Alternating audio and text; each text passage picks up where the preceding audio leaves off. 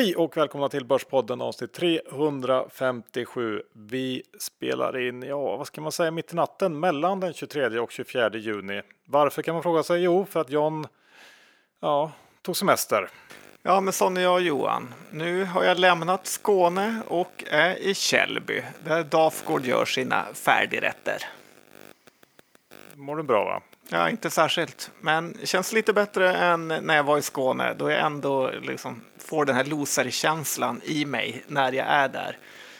Stackars lilla flottarpojken från Norrland som kommer eh, till de rika bördiga bönderna i söder och inte riktigt passar in. Jag blir lite som Curly i de här sidorhusreglerna. Det är inte så kul. Nej, men du har i alla fall självinsikt och det är värt en del. Men vi lämnar det och går över till vår huvudsponsor som ju såklart är CMC Markets. De har ett fantastiskt tradingutbud och så här i semestertider vill vi slå ett extra slag för deras prisbelönta app. Ja, appen är riktigt bra och har allt eh, som behövs för att hantera sitt konto och analysera marknaden. Det är grafer, nyheter, enkel orderläggning och mycket mer. Så om ni inte redan gjort det, se till att öppna ett konto hos CMC Markets inför sommaren så att ni inte missar några tradingmöjligheter under semestern i valutor, råvaror, index eller aktier. Utbudet är enormt. Ja, och som kund får man dessutom CMC Markets morgonbrev och veckobrev helt gratis, vilket ju är dumt att tacka nej till. Precis, så signa upp er nu och kom ihåg att det alltid finns risker med CFD-handel. Den här veckan blir det, ja vad blir det? Vi ska snacka din resa, vi ska snacka Airbnb, eh, vi ska snacka utlandssvenskar som är lite väl nöjda med sig själva. Ja, tyvärr är det så. Vi ska prata Trump och en hel del aktier tycker jag också vi behöver gå igenom. Ja, det är bryggerier, det är retail, det är scams. Ja, massa kul grejer den här veckan. Men innan vi kör igång så har vi ett supererbjudande ifrån Dagens Industri. För även om det nu är sommar och semester och man bara vill koppla av så krävs det ju ändå att eh, man har koll och kontroll på läget för att kunna slappna av ordentligt. Och Total kontroll det får man med Dagens Industri och då får man ro nog och koppla av. Och just nu så kan man få den här avkopplingen för halva priset.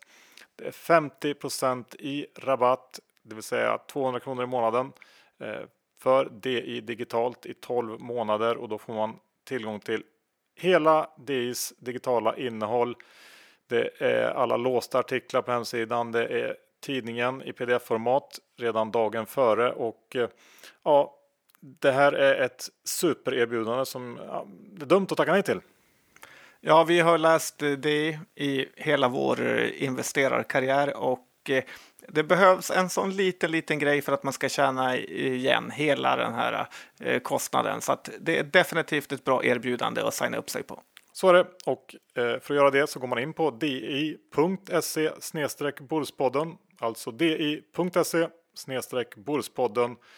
Gör det helt enkelt. Johan Dr. Bass i Saxon. index är i 1683. Börsen är svajig. Den är ner ena dagen, den är upp med 1-2 procent nästa dag. Eh, men det är ju överlag en mer haussig känsla på börsen än det är i resten av världen. Kan du berätta lite? Ja, så är det. Trots då all oro och osäkerhet kring den här återhämtningen ska bli och eh, det är ju många som menar att vi är i någon typ av bubbla just nu. En av dem är GMOs respekterade grundare Jeremy Grantham och jag lyssnade på en intervju med honom här i veckan eh, och det här ska man veta är en man som varit med länge och han förvaltar väldigt mycket pengar och har dessutom prickat in de senaste två stora börskrascherna. Och han är extremt skeptisk till börsen och den uppgång vi haft eh, sista tiden sen coronabotten. Eh, han pekar på dels centralbankerna såklart som en viktig faktor till det här, men tar också upp de här sjuka och helt orimliga uppgångarna vi har sett, i eh, till exempel konkursmässiga bolag som Hertz. Eh, det är exempel menar han på att vi antagligen är inne i en bubbelfas på börsen just nu och eh, får säga att jag tycker att han har eh, vettiga poänger här. Men som alltid så är ju det här med timing på börsen enormt svårt. Um, men hur som helst så behöver det inte vara fel att ha den här börssynen som Grantham har i bakhuvudet ändå för att det är extremt lätt att ryckas med i den här typen av uppgång vi har haft på slutet. Allt har gått väldigt lätt och eh, framförallt så har allt gått upp eh, oavsett vad egentligen. Nej, men jag håller med. Den här FOMO-känslan har ju typ aldrig varit eh, större än nu. Varje dag som börsen fortsätter upp och man inte är fullinvesterad med typ nästan belåning så känns det som att eh, man förlorar pengar. Och man vet ju hur eh, snopen man blir när börsen vänder ner och eh, man sitter fast med massa liksom, överprissatta aktier. Så att, eh, det är verkligen skönt att ha någon som inte bara tror på uppgång för att eh, ja, våga hålla lite torrt krut. Ja, det kan nog löna sig framöver här. Och i övrigt kan man väl bara konstatera att vi har gått in i den här riktigt tråkiga semesterstiltjen på börsen. Det händer inte väl särskilt mycket nu på bolagsfronten och eh, i alla fall jag längtar eh, tills rapporterna börjar trilla in här i mitten av juli. Ja, känns det lite sjukt med tanke på den vansinnes liksom, händelserika börsen vi haft att eh, du efter två dagars tråkig börs är redan liksom beredd att eh, ja, hitta på något annat. Ja, men sån är jag. Nej. Vi har ju snackat en hel del om betting på slutet och där kanske man kan på något sätt få in oddsen inför presidentvalet här i höst. Eh, hur ser det ut nu John? Nej, men det är lite kul för att eh, oddsen på eh, Trump har ju, de låg ju på eh, väldigt låga 1,60 här för att bli återvald. Och nu är han inte ens favorit längre utan står i 2,30. Biden står i 1,70. Eh, vi förutspådde det här för typ ett halvår sedan att det alltid kommer härver oavsett hur eh, bra man har varit eller är. Och nu har ju Trumpen fått en extrem massa härver som kom från ingenstans egentligen det kombinerat med att den här väldigt, väldigt populära Obama som ändå har mer följare än Trump på Twitter har börjat ge honom lite tjuvnyp liksom hela tiden här. Så att eh, ja, det är oro för Trump, men det jag tänker och det jag märker med börsen är ju att oavsett eh, hur det här presidentvalet går så verkar börsen ändå tycka att Biden är en ganska soft person. Han har inga vansinnesidéer alla Bernie Sanders. Så att eh, USA-valet blir nog lite av en icke-händelse faktiskt. Det blir lite som när det är val i Sverige, att det är inget att bry sig om. Och eh, sen har ju hela coronakrisen visat att politikerna är väl nästan lite eh, som fångar av storföretagen och gör allt för att hålla dem nöjda. Så ja, för tillfället känns det som att politikerna har spelat ut sin roll. Och som att presidentvalet blir en icke-händelse, icke-händelse enligt dig då? Ja, både enligt mig, men kanske framför allt enligt börsen. Ja, okej. Okay. Eh, jag vill höra lite mer om, om eh, din semester så här långt. Eh, jag har förstått att du åkt bil en hel del.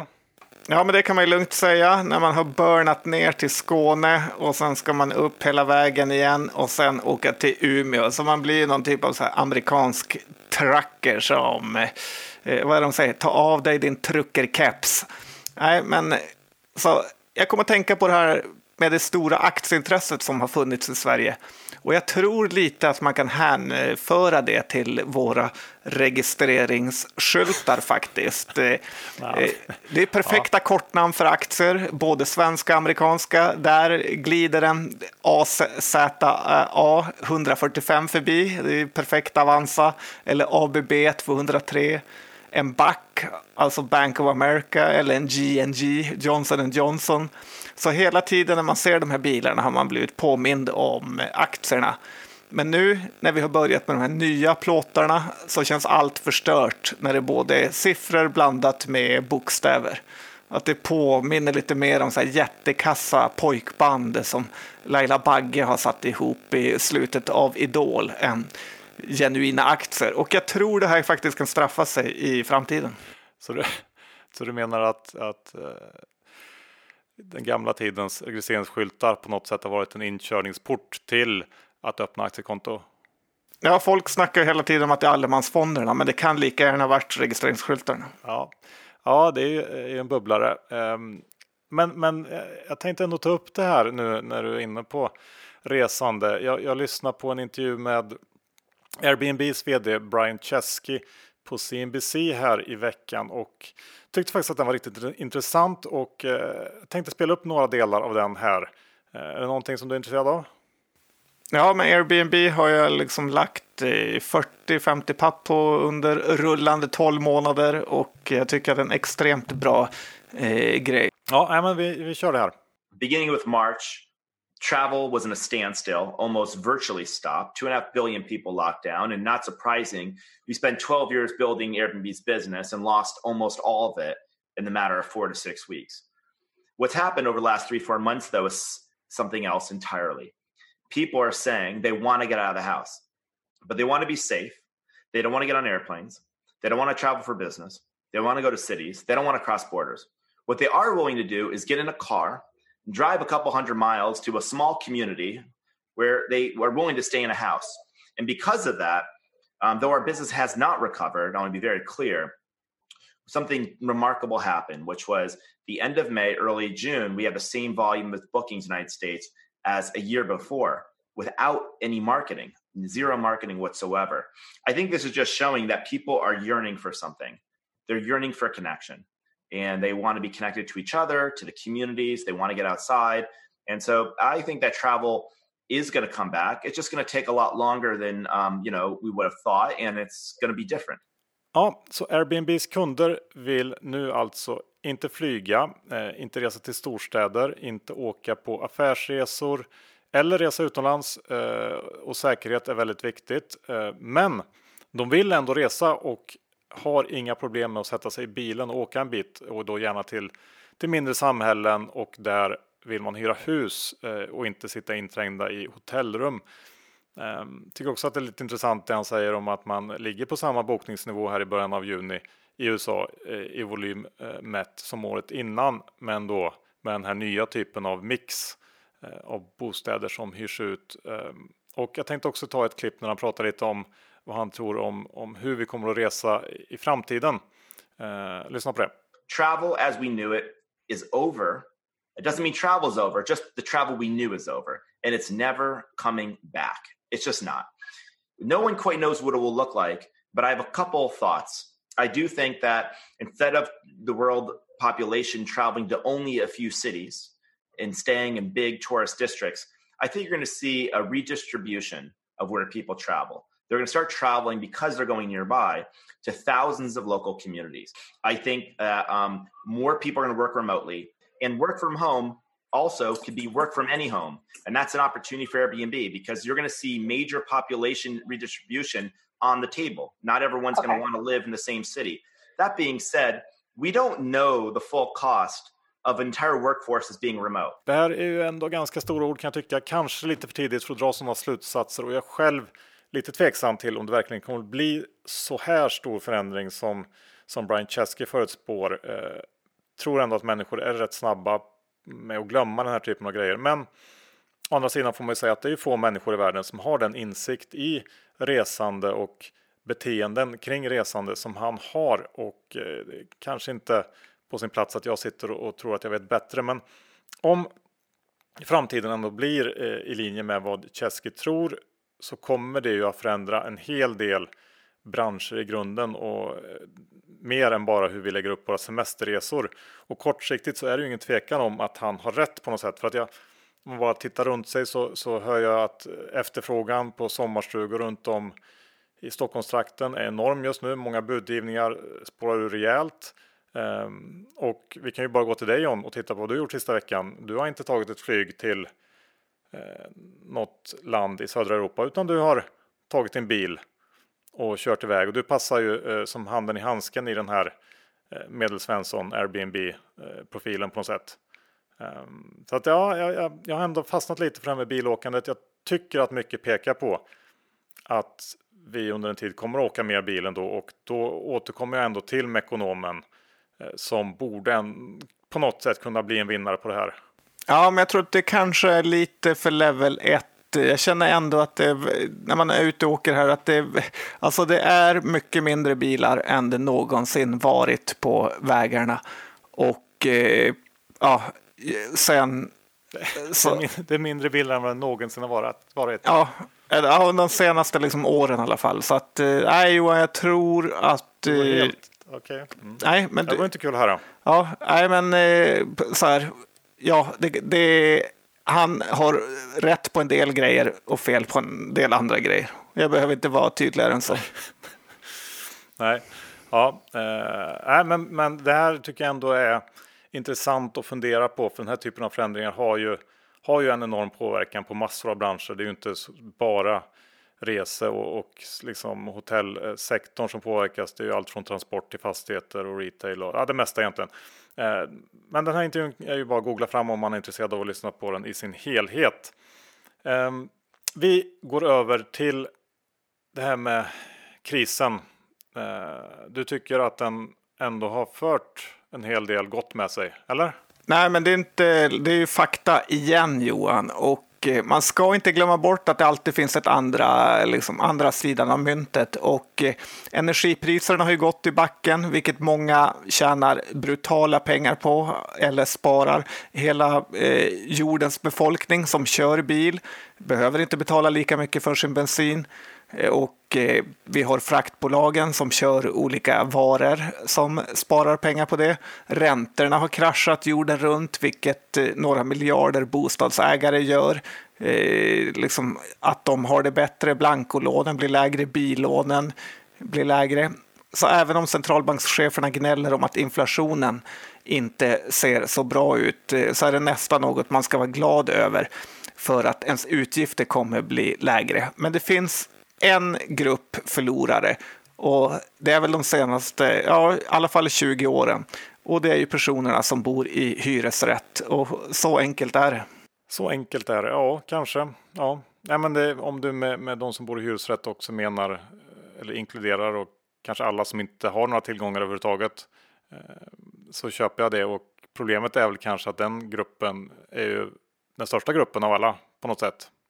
Eh, och det Ja, och lite är det ju ingen som heller ser efter deras intressen eftersom eh, ja, det alltid är så. De som har mest pengar skriker efter ännu mer. Och det är möjligt, möjligt att det är liksom det riktigt stora problemet med centralbankspolitiken som vi har haft de sista decennierna. Vem vet, vi får se. Eh, nu tycker jag att vi går över till det här med utlandssvenskar som eh, gottar sig Eh, Eh, eller jag vet inte vad man ska säga, dissar i alla fall Sveriges strategi eh, under krisen. Ja, men man har ju verkligen sett det på Twitter här, hur de eh, i någon typ av glädje om att vi som bor kvar i Sverige ska känna oss eh, sårade eh, håller utlandssvenskarna då på att eh, tracka ner på oss med hur dålig vår coronastrategi är. Eh, ändå vill alla utlandssvenskar spendera så mycket de kan av deras tid i Sverige. Eh, och det kan reta mig lite grann sådär. Men det var en gång en svensk general som hade mottot stor i framgång, större i motgång. Och jag tycker Sverige faktiskt verkligen har hållit ihop som land under den här kris krisen, vilket ändå gör en hoppfull för framtiden över hur enade vi är. 95 procent eh, av befolkningen har stöttat den här strategin och eh, eh, det viktiga är ju att Eh, vi håller ihop. Sen är jag ändå besviken på Sveriges finanselit, typ Wallenberg och andra toppar som har gnällt så in i på vad deras eh, företag eh, ska få för stöd, stöd, stöd, stöd, stöd. Det är det enda de har pratat om. Och eh, inte en enda gång känner jag att de tänker på vad den legendariska presidenten JFK sa, som sa så här. Ask what your country can do for you. Ask what you can do for your country. Vi är den vecka sponsrade av elektronisksignering.se. Det enkla och smittfria sättet att signera dokument. Det är blixtsnabbt, kostnadsfritt, säkert och eh, ja, också en EU-godkänd signatur och passar väl perfekt så här i semestertider när man kanske är på gång och ska hyra ut eh, sitt fritidsboende, eh, ofta på distans. Ja, varför inte använda elektronisk signering.se? Eh, man behöver inte registrera sig för att använda elektronisk signering.se och inga uppgifter sparas. Den här är kostnadsfri tjänst eh, och en enklare variant av företagstjänsten som har ännu fler smarta funktioner och det kan man också läsa mer om på elektronisk signering.se. Så gå in och signera, eller hur John? Ja, det är en otrolig uppfinning och vi har använt den och kommer fortsätta använda den. Vi börjar andra delen med den här tyska fintech-frauden Deluxe Wirecard. Eh, John, vad har du att säga om den här härvan? Nej, men den har ju verkligen gått i backen och eh, det är ju så många som säger det. Jim Cramer är väl den eh, främsta ansiktet för det. Men direkt ett bolag börjar gidra med sin bokföring så är det bara att eh, sälja. Och anledningen till att killar som Jim Cramer säger det här är ju att de har varit med i evigheter. Jag tycker man ska lyssna på den typen av enkla råd. För har man mixtrat med det ena så har man ofta mixtrat med det andra också. Och eh, även om det är smart någon gång då och då att vara contrarian så i långa loppet är det inte värt det av både psykologiska och eh, portföljmässiga skäl. Eh, I Wirecard här har man haft dessutom hur många tjänster som helst att kunna sälja aktien till hyfsade nivåer. För bara några dagar sedan stod aktien i 100 euro och nu står den i 17. Eh, och då har ju ändå den här redovisningshärvan och eh, artiklarna om Wirecard pågått i typ ett år. Så att, eh, nej, jag fortsätter säga det akta dig för just redovisningsproblem. Det håller jag med om. Det finns mycket andra aktier att välja på så att det är bara onödigt att hålla fast vid ett bolag som börjar visa den typen av tendenser. Sen noterar jag också att här var det ju så att de hade de här påstådda pengarna i banker eh, i länder väldigt långt bort. Det vill säga det som vi också har pratat om eh, tidigare vid flera tillfällen att det är svårt att kontrollera. Man vet inte riktigt vad som finns när man har då tillgångar i konstiga länder långt bort. Det är också ett sånt här klassiskt varnings, varningstecken tycker jag. Eh, lite sådär eh, småkul tyckte jag också det var att eh, Hembergs Neox-fond med alla dess algoritmer och beslutsunderlag eh, lyckades ligga snortung i Wirecard när det här hände kanske inte var så mm, lätt ändå det här med att välja aktier. Ja, jag tycker att du är lite elak där för att eh, det är vi är, eller man kan säga så här, alla har vi gjort bort oss på aktiemarknaden. Och att bli så enormt eh, skadeglad som du och många andra är över att eh, Hem, Hembergs fond ah. har valt ett bolag som är eh, gjort fel. Jag, jag, jag, jag, liksom, jag tycker det är fel och eh, alla gör bort sig på börsen, även Hemberg. Ja, nya godhetspojken har dykt upp. Nej, men... ja, men sån är jag Johan. Nej, men det, jag tycker så här, eh, visst du har ju dina pengar, men med den typen av svansföring som eh, man har haft på Neox så får man också tåla lite kritik efter det här. Så är det bara. Punkt slut. Ja, ja. ja. så är det. Bra. Nu går vi över till någonting som vi tycker är mycket roligare bägge två och det är ju bryggerier. Eh, i det här fallet ett danskt bryggeri, eller bryggerigrupp kanske man ska säga. Jag tänker på Royal Unibrew. Vad eh, har vi på Royal Unibrew egentligen? Jag tänker främst på eh, Lappinkulta som var en liten klassisk Finlandsbåt grej man köpte på gamla goda. Men de har väl även lite eh, så här eh, second tier ölmärken. I övrigt känner jag inte till dem så bra. Ja, Faxe är väl det som man liksom tänker på, i alla fall jag. Känns så genuint danskt. Jag vet, de köpte väl här finska Hartman, vad heter de, eller vad heter de, som har den här gindrycken. Som jag tycker är trevlig och ja, de har lite, lite blandat.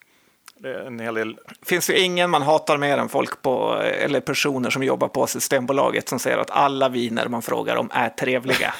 jag vill bara lägga till det.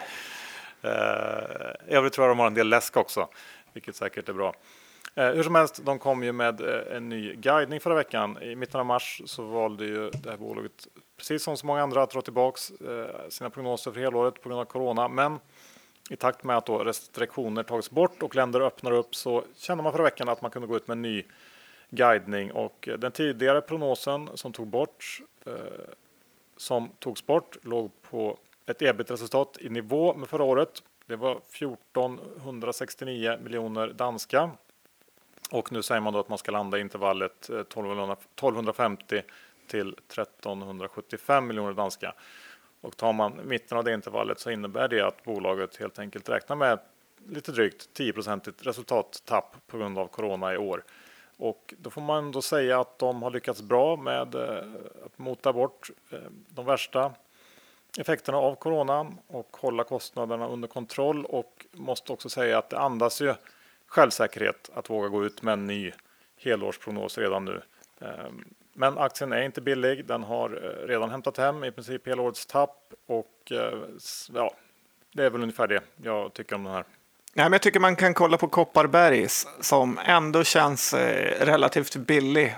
Royal Unibrew har ju en, ändå en värdering över P20, 21, 22, 23 kanske. Kopparbergs kring 14, 15. Så att eh, ja, jag tycker här kan det ändå finnas eh, värde och eh, Bojo berättar ju idag att de ska öppna de brittiska pubbarna här i juli så att försäljningen kan även komma igång där. Jag har köpt lite Kopparbergs idag till och med så att ja, jag tror att värdegapet kan gå ihop där. Efter en lång period av dissat Peter Bronsrand så är jag nu på hans sida. Och det här menar du då efter att ha dissat min eh, Mekonomen på Airbnb vdns uttalande som first level. Det här var då second level eller? Ja, faktiskt. Ja. Det är svårt eh, att se skillnaden ibland Johan, men det är det som, som gör skillnaden. Skiljer agnarna från eh, ja, vetet. Ja, men kul. kul ändå att få lära sig lite grann. Um, jag tänkte gå över till uh, XXL. Vad säger du om det? Ja, men det är en bra butik. Jag handlat, spenderat otroligt mycket pengar ja. på under åren. Eller genom åren. Eh, för XXL var ju ett bolag som på något sätt såg ut att vara på väg att dö i princip. Och det hade ju inte varit orimligt om coronakrisen hade blivit dödsstöten. Men som så ofta på börsen så blev det precis tvärtom. Förra veckan så kom XXL med en trading update där man spår att rörelseintäkterna kommer att landa i spannet eh, 2,8 till 2,9 miljarder norska eh, under Q2 och det innebär faktiskt en tillväxt på 25 till 30 procent jämfört med Q2 förra året. Ehm, lönsamhetsmässigt så väntas ebita-marginalen komma in någonstans eh, i intervallet 12,5 till 13,5 procent och eh, det är ju också väldigt fina siffror och eh, totalt sett så var det här långt, långt över marknadens förväntningar. Aktien var nere och vände på 3,50 norska kronor i slutet av mars och den står nu eh, runt 20 kronor. Det är en fantastisk resa får man säga. Långsiktigt tycker i alla fall jag att det finns nog fortfarande en hel del frågetecken kvar kring XXL men man måste ändå säga att man blir lite glad över sådana här riktiga monstervändningar på börsen och det är ju också någon, ja, en stor del av tjusningen med börsen att sånt här kan hända. Ja, men det är väldigt, väldigt lätt att bli negativ på botten och man får ju ändå tycka lite synd om de som krängde iväg sina aktier på eh, 3,50. Intressant var ju att nyemissionen gjordes ju här på 10 kronor då det gick att köpa i princip hur mycket aktier som helst här eh, för 10 spänn. Så att eh, det har gått extremt fort. XXL gynnas ju också av att så många andra butiker inom det här området har fått eh, lägga ner. Så att eh, eh, de kan nog ändå ha lite liksom, långs, eh, långsiktig gynnsam tillväxt av den här krisen på grund av konkurrentdöden. Eh, I övrigt så är jag fortfarande tveksam till dem som bolag. Ja, vi går över till eh, någonting helt annat. Eh, det här lilla konsultbolaget som envisas med eh, att man ska uttala namnet på, på något sätt. Jag säger B3 eh, Eh, trots det. B3 Consulting. Ja, de säger bättre consulting. Lite, ja, det är en blandning av töntigt, pinsamt men ändå lite fiffigt. Men det som är intressant var att det lappades 4% i den här bara för ja, någon vecka sedan och att köparen då var Protector Försäkring, det här norska försäkringsbolaget som gick från 19 till 23 procent. Och det är nästan så sjukt att det knappt går att förstå hur ett eh, försäkringsbolag kan använda sin float, alltså spararnas överskott då, eller försäkringstagarnas överskott till att eh, köpa då ett mikrobolag på börsen som dessutom är en underpresterare av rang. Eh, för det är ju extremt illikvitt det här bolaget. Och eh, lite tappar man ju hoppet för de finansiella marknaderna när man ser sånt här. Men också tappar man ju hoppet för B3 eller bättre consulting som inte kan vara så hårt ägarstyrda utan det känns mer som att det är någon typ av kommun som är största ägare av det här bolaget. Så att, nej, jag håller mig borta härifrån. Ja, inget gott betyg där av Jan Skogman. Jag har inte så mycket att tillägga. Eh, jag vill hellre höra lite om eh, luftbolagen. Ja. Och då inte liksom som scam utan som håller på med luftrening. Ja, För det har du tittat ja på. verkligen. Man körde ju det här att luften var fri när man var liten. Men nu börjar det mer kännas som att det inte är det längre. Och eh, många länder, framförallt USA, har ju många så här vattenbolag och vattenreningsbolag.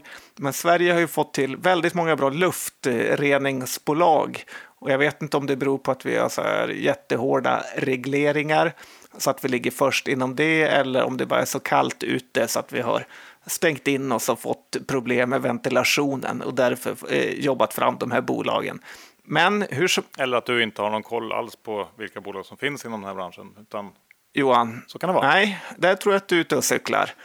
eh, men vi har även, vad man än tycker, så har vi ett gäng intressanta bolag eh, inom den här branschen eller sektorn. Och eh, ja, det känns ändå som att de bara växer. Vi har ju Systemair, fick lite uppmärksamhet här i veckan när den här näst största ägaren gjorde en placing av aktier och eh, ja, där kan man komma in hyfsat eh, billigt fortfarande. Vi har Lindab eh, som kanske är mer inriktat mot bygg. Vi har Nederman. Eh, vi har Beijer Ref och så har vi Absolent som jag har för mig ha huvudkontor här i Lidköping faktiskt, som är i närheten. Och är ju också ett av börsens absolut dyraste bolag. Eh, Karl-Henrik Svanberg är också storägare där. Eh, så om man tittar på eh, parallellen då med vattenbolag och vattenreningsbolag så är ju det en av de absolut mest stabila investeringarna på börsen. Så att nästa fas kanske är att man ska investera i luft och ja, då ligger Sverige med de här bolagen väldigt bra till. Ja, nej, jag håller med dig där. Ehm, Jag tycker också att de känns. eh, Det känns som att de har allihop någon slags strukturell medvind och dessutom eh, så har man väl den här ESG-trenden i ryggen också och man behöver inte bara kämpa emot den som vi har gjort här utan det skadar ju kanske inte att ha den medvinden med sig. Nej, och man köper ju hellre typ Lindab på P13 än Evolus Vind på P28. Ja, verkligen. Eh, Jag tänkte ta upp H&M som ju står för eh, veckans kanske enda Hennes och Mauritz. Bol- ja, Hennes och Mauritz. Ja, du sa vad det var stod för. H- ja, jag menar att de, de, den här veckan släpper de sin Q2 och det är egentligen en- det enda som händer i bolagsväg den här veckan. Men om vi ska gå in på den lite kort så vet vi ju redan omsättningen. Eh, den är halverad jämfört med föregående år och eh, tittar man på, på siffrorna där så var det egentligen bara online eh, som, som var någonting att ha, växte 32 procent. Ehm, resultatmässigt så räknar analytikerna i snitt med 6 miljarder i förlust på rörelsenivå och nu kanske inte resultatet är så där jätteviktigt i den här rapporten, men det kan ändå vara värt att ha i bakhuvudet att Q1 eh, faktiskt överraskade eh, rejält positivt när det gäller vinsten och ehm, jag tror ändå att man vill ha lite kontroll på, på siffrorna så att det inte fladdrar iväg för mycket eh, på den negativa eh, resultatraden där. Men i övrigt så riktas såklart allt fokus på framtiden. Eh, och tittar man på förväntningarna inför H2 här så tycker jag att de fortfarande ser väldigt höga ut. Det finns ganska rejäla förhoppningar på en snabb återhämtning och jag har ändå lite svårt att se vad H&M skulle kunna komma med på fredag för att få upp eh, de här estimaten ytterligare. Och det känns som att det finns en viss liksom, besvikelserisk. Eh, som aktien kring 145 kronor så är jag lite skeptisk inför fredagen. Nej, men jag håller med. Det är ju, ja, känns inte riktigt som att H&M kommer flyga närmsta tiden. Nej, och när, när vi ändå är inne på kläder så kom ju, det är i och för sig en liten spelare, nätklädhandlaren Boost med en omvänd vinstvarning här eh, under tisdagskvällen faktiskt. För eh, efter en väldigt stark Q2 så justerar Boost upp helårsprognosen till 20-25 procents eh, tillväxt för helåret och en justerad rörelsemarginal på 3-4 procent och tidigare räknat man med 10-20 procent i tillväxt och 1-3 procent i marginal. Ehm, och tittar man på Q2 så, så förväntas tillväxten landa någonstans kring 35-40 procent eh, med en marginal på över 10 procent. Och eh, det här är ju en uppenbar eh, coronavinnare måste man säga. Och Den här starka tillväxten den förklaras av en ovanligt låg andel returer här under april och maj och det beror i sin tur på att man har haft en högre andel försäljning inom kategorier män, sport, barn och skönhet och jag antar att det Ja, det är väl kategorier som tidigare inte var lika stora och där man kanske inte skickar tillbaka lika mycket. Nej, känner man sig själv män, eh, hoppas jag att det ligger under, så har jag aldrig någonsin skickat tillbaka något. Så att, eh, det kan säkert ligga något i det. Lite sjukt att Boost inte äger Boost.se, utan då kommer man till något annat Eh, företag. Jag kan tycka att man borde ha köpt den sajten. Övrigt så har jag provhandlat därifrån här under krisen och är extremt imponerad över hur eh, fort de skickar iväg varorna man har beställt jämfört med typ Man of a Kind, alltså R&B's del, som det kan komma eh, fyra, fem dagar senare att eh, eh, produkterna var slut och därför, därför har de eh, cancellerat ordern. Så att, eh, jag tycker Boost ändå har en, eh, något erbjudande man kan eh, vara imponerad av som kund och därför är det ändå intressant som aktieägare med. Ja, jag håller med. Och eh, om man ska ta med sig någonting av vad man skriver här till eh, H&M's rapport på fredag så tycker jag att det var lite intressant att eh, vdn beskriver att återöppnandet av fysiska butiker eh, inte haft någon större inverkan på det här försäljningsmomentumet som man har haft under hela våren. Och eh, jag vet inte, det talar väl ändå på något sätt för att man undviker fysiska butiker trots att det är mm, öppet. Eh, och när det gäller helårsprognosen så tror jag också att det finns ganska okej chanser för att Boost eh, kan komma att höja dem igen.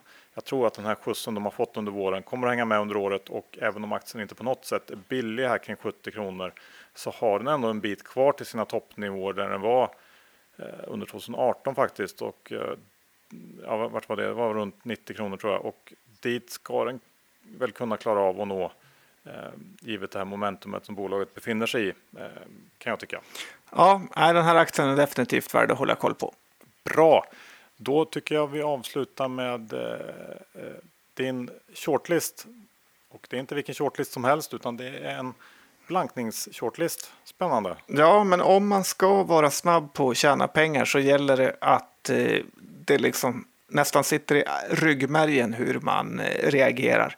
Det går inte att fundera i två dagar eller ens två timmar, utan det måste ske automatiskt och jag tänkte hjälpa till här lite grann. Ofta går nedgångar fortare än uppgångar och då är det bäst att fokusera på svagheter, ungefär som på människor, Johan. Och bolag och blanka i den här nuvarande krisen är ju ett, direkt det händer något negativt, och det snackas om nedstängningar så är ju Loomis ett bolag som åker på direkt. Eh, marknaden tror på butiksstöden och att eh, de inte behöver åka och hämta kontanter och det kan jag hålla med om. Eh, så att vid minsta negativitet till mer nedstängningar så brukar ju Loomis åka på. Eh, vi har fastighetsbolagen. Ja, det håller jag med om, det, jag tror du har helt rätt. Och även om jag, jag tror att marknaden kanske är lite för rädd för Loomis. Men reaktionerna när det väl brakar loss blir ju sådär. Så att jag, visst, jag köper det helt. Ja, jag tycker man flera gånger har suttit och eh, tänkt varför blankar inte Loomis? Det är ju självklart. Vi har ju fastighetsbolagen också här med kontors och retail-exponering. Har ju inte heller varit bra och eh, ju längre krisen pågår och ju hårdare marknaden går åt de här fastighetsbolagen som har haft en guldålder sista åren. Så att eh, det finns ju rejäl fallhöjd eh, här eh, om man tittar på de bolagen. Sen har vi semesteraktier, eh, eh, typ Skistar, Scandic, Dometic och det här är ju helt givna kandidater att ge sig på eh, när det börjar blomma upp corona-oro, vilket det känns som att det gör i alla fall en dag i veckan. Och vad som trader så gäller det att vara som en hyena. Man måste leta upp de svagaste offren och så måste man ge sig på dem. Det är helt meningslöst att ge sig på de starkaste bolagen med skyhöga värderingar. Eh, för att de är där de är av en anledning. Och som blankare ska man alltid, alltid ge sig på de svagaste korten. Och ofta faktiskt är det då med de lägsta p-talen, vilket kan eh, låta konstigt. Men det är där man har sina offer, Johan. Slut på avsnitt 357.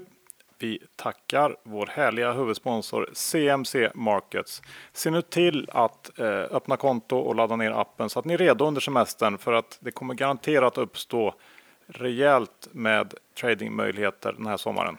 Ja, det är inget att tveka på. Man får vecko och dagsbrevet och en bra app. Bara ladda ner. Ja, och missa inte heller supererbjudandet från Dagens Industri. Ehm, känn att du kan koppla av under semestern med att ha just koll. Ehm, det är nu 50 i rabatt, det vill säga du får eh, det i digitalt i 12 månader för bara 200 kronor i månaden. Allt ingår, alla artiklar, eh, tidningen dagen före i pdf-format och mycket mer. Gå in på di.se Bohuspodden, läs mer och teckna hem en prenumeration. Ja, vi har gjort det länge och kommer fortsätta med det. Definitivt. Och såklart smittfri signering när den är som bäst. Elektronisk signering.se. Ehm, det är supersnabbt, kostnadsfritt, säkert och enkelt och också en EU-godkänd signatur. Man behöver inte ens registrera sig för att använda elektronisksignering.se och inga uppgifter sparas. Så gå in och testa på elektronisksignering.se. Bra! Hur ser det ut med innehav? Ehm, jag har min eh, level, vad säger man, first level trade i Mekonomen på. I övrigt är det inte så mycket annat. Eh, hur är det med dig? Jag har Kopparberg som sagt och även lite Mekonomen i någon typ av förhoppning att jag har fel och att du har rätt. Du garderar med både first och second level. Ja. Det är smart. En, du. en och en halv level hamnar man då på. Det är lite skånskt kanske. Ja, Ja. Bra. Eh, då tror jag att vi tackar för oss och går och lägger oss. Ehm, vi hörs om veckan. det gör vi. Hej då!